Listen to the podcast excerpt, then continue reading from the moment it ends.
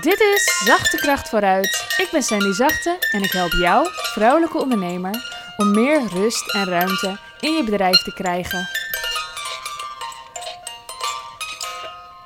Er zijn twee dingen waar ik het allermeest van leerde. Het ene is ondernemerschap en het andere is ouderschap. En bij mij begon het leven met ouderschap en daarna kwam het ondernemerschap er pas bij. Ik uh, ben zwanger afgestudeerd en uh, daarna was ik dus al moeder. En dat is dus begonnen toen ik 23 was. En een tijd later, heel kort later, begon ik met uh, het magazine Kind. En een paar jaar later heb ik het pas als ondernemer ook echt gestart. Maar die eerste fase is wel een beetje ja, dubbel. Je zou kunnen zeggen dat ik wel ondernemer was, maar ik was het ook weer niet. Ik heb wel heel veel geleerd door dingen te doen.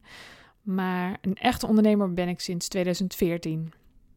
Dit zijn de twee dingen waar ik het meest van geleerd heb: het ondernemerschap, het ouderschap. En het zijn de twee grootste ontwikkelingstrajecten, zoals ik dat zie. En dan allebei samen en door elkaar. En uh, ja, dat is nogal wel wat. dat kan nog wel wat uitdagingen vragen. Ik weet niet of jij ook ouder bent en ondernemer, maar ik gok, nou, de kans is groot van wel. Dus dan herken je dat ook, dat het zo lekker door elkaar heen kan lopen. En van het ondernemerschap, nou, ik heb daar zo verschrikkelijk veel in geleerd. Waaronder bijvoorbeeld, ja, bijvoorbeeld dat je alles nog moet leren. En dat je alles mag leren. Dat je nog niks hoeft te kunnen. En dat je alles kunt leren. Of bijna alles in ieder geval. Um, ik heb persoonlijk heel veel geleerd door een team te leiden. Uh, door het gezicht te zijn van een tijdschrift en een mediamerk. Door mijn stem te laten horen en dat eerst niet durven. En zeggen tegen mezelf dat het, dat niks voor mij is. En het toch doen. Ik heb geleerd over hoe je verkoopt en dat verkopen niet vies is, want je bent iemand aan het helpen. Ik heb geleerd um, hoe je jezelf meeneemt in alles wat je doet. Dat je dus een instrument bent van jezelf. Of jij bent een instrument. dat zeg ik mooi, maar dat zegt mijn partner altijd. Die is systemisch opleider, dus die weet daar veel meer van. Maar ik zie dat wel nu, ja. Ik heb geleerd en wat heb ik niet geleerd? Ik heb alles daar geleerd. Wat heb ik eigenlijk op school geleerd? Daar ga ik nog eens een aparte aflevering over maken. Want ik ging niet zo lekker op school, heb ik eerder gedeeld. En ik heb alles geleerd als ondernemer. Alles, denk ik. Ja, zo'n beetje mijn hele leven komt daar vandaan. Plus dus bij het ouderschap. Ik was dus zwanger toen ik 22 was. Mijn dochter is geboren toen ik 23 was. En daarin heb ik ook zo ongelooflijk veel geleerd. Ergens viel meteen op zijn plek toen ik moeder was wat ik te doen had op de wereld. Dat wist ik nooit zo goed. Ik wist niet zo goed wat ik kon. En hierbij voelde ik dat ik het wel kon. En um, dat mijn hart er naar uitging. En ik wilde altijd al moeder worden. En ik weet nog heel goed toen ik elf was dat ik dacht... Jeetje, moet ik nog zeven jaar wachten tot ik moeder kan worden? Het ongeduld dat eronder zat ik kan me er eigenlijk, ik weet dat het zo is, maar het is toch een raar verhaal. ik ben blij dat ik uh, niet uh, te vroeg erbij was. Ik vind het fijn, uh, deze leeftijd. 23 vond ik mooi.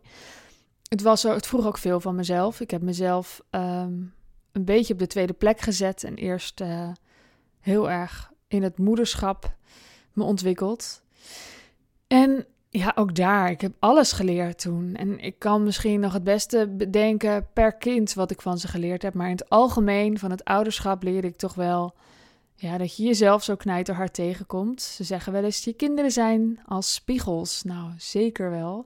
En als je dat niet ziet, dan kan je daar behoorlijk gefrustreerd van raken. Want waarom doet je kind zo en zo? Nou ja, het is dus heel vaak een weerspiegeling van wat je zelf laat zien. En wat je zelf uh, onderhuids misschien... Uh, doet of voelt of wegstopt. Of...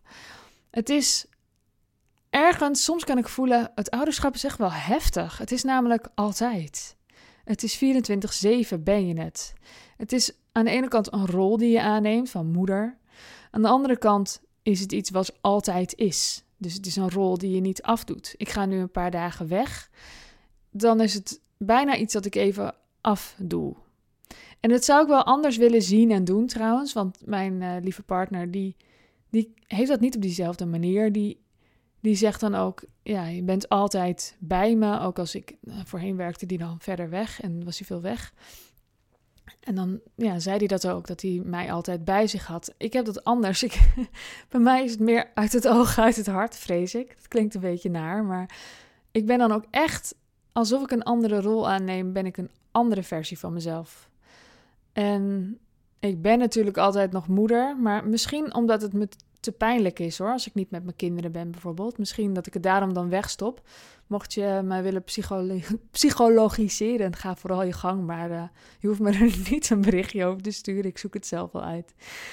Um, Dank je wel in ieder geval als je je zorgen maakt om mij. Maar per kind kan ik wel aangeven wat ik van ze geleerd heb. Van mijn oudste, nou, daar heb ik echt alles uitgezocht over ja, moeder zijn. En dat was nieuw en anders en iets wat me, me helemaal veranderde.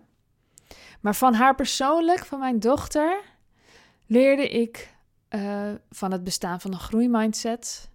Ik leerde dat je een vaste mindset kon hebben. Ik leerde via haar heel veel dingen over mezelf. Doordat zij bijvoorbeeld tegen dingen aanliep, ontdekte ik bij mezelf dat ik ook, dingen, ook van dingen last had. En uh, ja, we hebben best wel een proces gehad in zoeken naar de juiste school bijvoorbeeld. Uh, wat zij nou nodig had op school. Uiteindelijk kwam dat goed. Dus ik ben blij dat we zijn blijven zoeken. Maar op een gegeven moment, het is ook wel fases geweest dat ik alleen maar daarmee bezig was. En dat is niet goed. Um, maar die groeimindset, die heeft zij nu wel. En zij had een hele vaste mindset en ik ook. En vooral, wat ik daar dan vooral van leerde, is hoe veranderlijk, veranderbaar mensen zijn. Hoe ontzettend je eigenlijk toch nog wel kunt kneden. Vooral aan jezelf trouwens hoor. Ik eh, ben denk ik de laatste die zegt dat je je kinderen in een malletje moet gieten. Maar het is wel in een flinke mate zo dat wie je denkt dat je bent, dat je dat niet per se bent. Of dat je niet, eigenlijk niet eens weet wie je bent, of hoe je bent, of wat je bent. Of hoe dat allemaal in elkaar steekt en zo. Dus dat is niet, je bent niet, dat is niet vaststaand. En dat geldt dus ook bijvoorbeeld voor iets als een groei, groeimindset. Ik dacht dat ik op een bepaalde manier werkte en dat ik bijvoorbeeld niet zo makkelijk kon leren. Nou, ik leer echt sinds ik me daarin ontwikkeld heb als een malle. Ik, ik smul van leren. Ik, echt, ik ga er lekker op. En dat is dus het grootste wat ik leerde van mijn dochter. Hoe ontzettend je kunt veranderen. En dat je daar zelf de hand in hebt. Als je het zelf maar wil. En van mijn middelste, mijn oudste jongetje, leerde ik hoe krachtig zacht zijn is. Ik ben eigenlijk altijd wel zacht geweest. Ehm, maar ik had ook best wel een flinke muur om me heen gebouwd. Ik weet nog dat ik een fase had dat ik dacht... Nou, ik weet niet hoor, al die gevoelige mensen, ik snap ze niet. Ik, uh, ik ben niet zo gevoelig. Volgens mij heb ik dit ook al gedeeld in een podcast. En dat mijn partner zei: Jij bent zo gevoelig dat je een muur om je heen gebouwd hebt. En ik zie dat nu en die muur is behoorlijk afgebrokkeld. Het is nu nog een soort, waarschijnlijk nog wel een laag ja, rijtje stenen. Maar mijn middelste die inspireert mij wel echt om mijn zachte kant te laten zien, want daar zit zoveel kracht in. Hij kan zo goed, nou hij is een en al zacht en liefheid. En daarin kun je ook heel erg jezelf zijn. En jezelf zijn is altijd krachtig. En als jij kunt aangeven wat je grenzen zijn, wat je niet wil en uh, niet kan, of niet, waar je niet aan wil voldoen, of wat je wel wilt. Nou, dat kan hij als geen ander. Hij kan zich zo mooi uitspreken. En dat is heel inspirerend. En daar heb ik wel echt van geleerd. En dat inspireert me ook nog steeds. Maar ook vooral dat ik zie dat zachtheid dus krachtig is. Nou, ik denk niet dat de naam van deze podcast zo was geweest als hij er niet was geweest. En de jongste, dat is ook een jongetje, die is weer heel anders. En ik leerde van hem dat ik misschien niet zo'n uh, fantastische moeder ben als ik dacht. ik dacht dat ik best wel een goede moeder was. Want als, als ik iets zei tegen mijn oudste twee dat iets niet mocht, dan was dat duidelijk. Dan gingen ze het niet wel doen of zo. Maar deze jongste, ja, die toch eigenlijk wel. Die is nogal uh, eigen gereid, zoals ze dat noemen. Die gaat zijn eigen gang. En dat is soms vet irritant en ook zo cool om naar te kijken. Ik weet nog, er slingerde een potje rond toen hij anderhalf jaar wel oud was. En hij uh, had een beetje een te grote romper aan. Zoals mijn kinderen altijd of een te grote of een te kleine romper aan hadden. Hij trok zijn luier ertussenuit, schoof het rompertje opzij, ging zitten en ging plassen. Hij doet alles wanneer hij het wil, op het moment die bij hem past en hij doet wat hij wil. En soms moet hij daar natuurlijk flink op gestuurd worden, maar het is ook zo cool om naar te kijken. Het is zo mooi om te zien hoe zelf geautoriseerd hij is en hoe hij zo weinig aantrekt van anderen. Gisteren nog uh, bestelde mijn meneer nieuwe sandalen voor de, voor de mannen. En uh, alle drie dezelfde mooie barefoot uh, sandalen. En hij en de middelste, dus de oudste jongen, die uh, hebben dezelfde kleur gekozen. En de jongste die had een andere kleur. Dus gingen we toch even checken of hij dat dan wel echt leuk zou vinden. Of dat hij het toch leuker zou vinden omdat ze alle drie dezelfde sandalen hadden. Maar eigenlijk wisten we het antwoord al. Nee, dat interesseert hem echt helemaal niks. Nee, boeien. Dus uh, hij is nu vier en hij uh, zei: Nee, ik wil de gele. Oké. Dus dat, ja, dat is heel cool. En wat ik van hem ook leer is dat je kunt leren door te doen. En dat je heel erg leert door te doen. We zijn verder allemaal wel denkers, maar deze jongste die, uh, die, er, ja, die moet het eerst ervaren en dan ziet hij hoe iets werkt. En dat is een hele andere leerstijl, zoals er meerdere leerstijlen zijn. Maar het is een hele nuttige leerstijl, denk ik.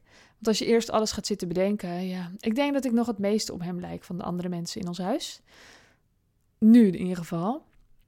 Dat je gewoon iets kunt gaan proberen en uh, zien en wat het wordt. En ja, maar kijkt. En hè, dat, dat is lekker, dat is fijn. Dan hoef je niet in je hoofd alles uit te gaan zitten dokteren. Maar dan kan je het gewoon met je handen uh, ja, wel zien. Je ziet met je handen. Hey, dat is ook grappig. Dus ja, dat leer ik wel echt van hem. Dus van alle drie leer ik echt heel veel. En nou, dat is net als met het ondernemerschap. Ik leer daar zoveel van. Het is echt soms een uitdaging geweest dat het allebei tegelijk was. Dat je in twee leerprocessen tegelijk zit. En ik weet ook nog wel momenten waarop ik zei: Ik heb gewoon even geen zin om te leren. Ik vind het wel mooi zo. Uh, ik uh, snap dat ik dingen te leren heb en dat leren leuk is en dat het mooi is en dat het me verder brengt. Maar ik heb er nu even geen zin in. Nou, meestal wel. En soms heb ik er even geen zin in. Soms zijn er ook fases dat je denkt: het mag zich nu ook wel vertalen in iets tastbaars. Of ik wil wel een keer kunnen oogsten of ja, dat soort gevoelens. En dat zijn denk ik ook hele zinnige gevoelens. Want alleen maar leren en geen effect, dat is natuurlijk ook niet uh, echt uh, waar, ja, waar je echt en, blijvend energie van zit te krijgen. Dat geldt vooral voor het ondernemerschap, denk ik, dat het zich moet uitbetalen. Uh, het ouderschap, ja, dat is toch wel een beetje anders. Hoeft zich niet uit te betalen. Hoewel misschien als ze dan oud, oud zijn en ik vooral oud ben, dat ze dan voor me gaan zorgen of zo. Hè? Dat is ook uitbetalen? Ja, nou goed. Dat zien we dan wel weer. Hier wou ik het bij laten. Dankjewel voor het luisteren.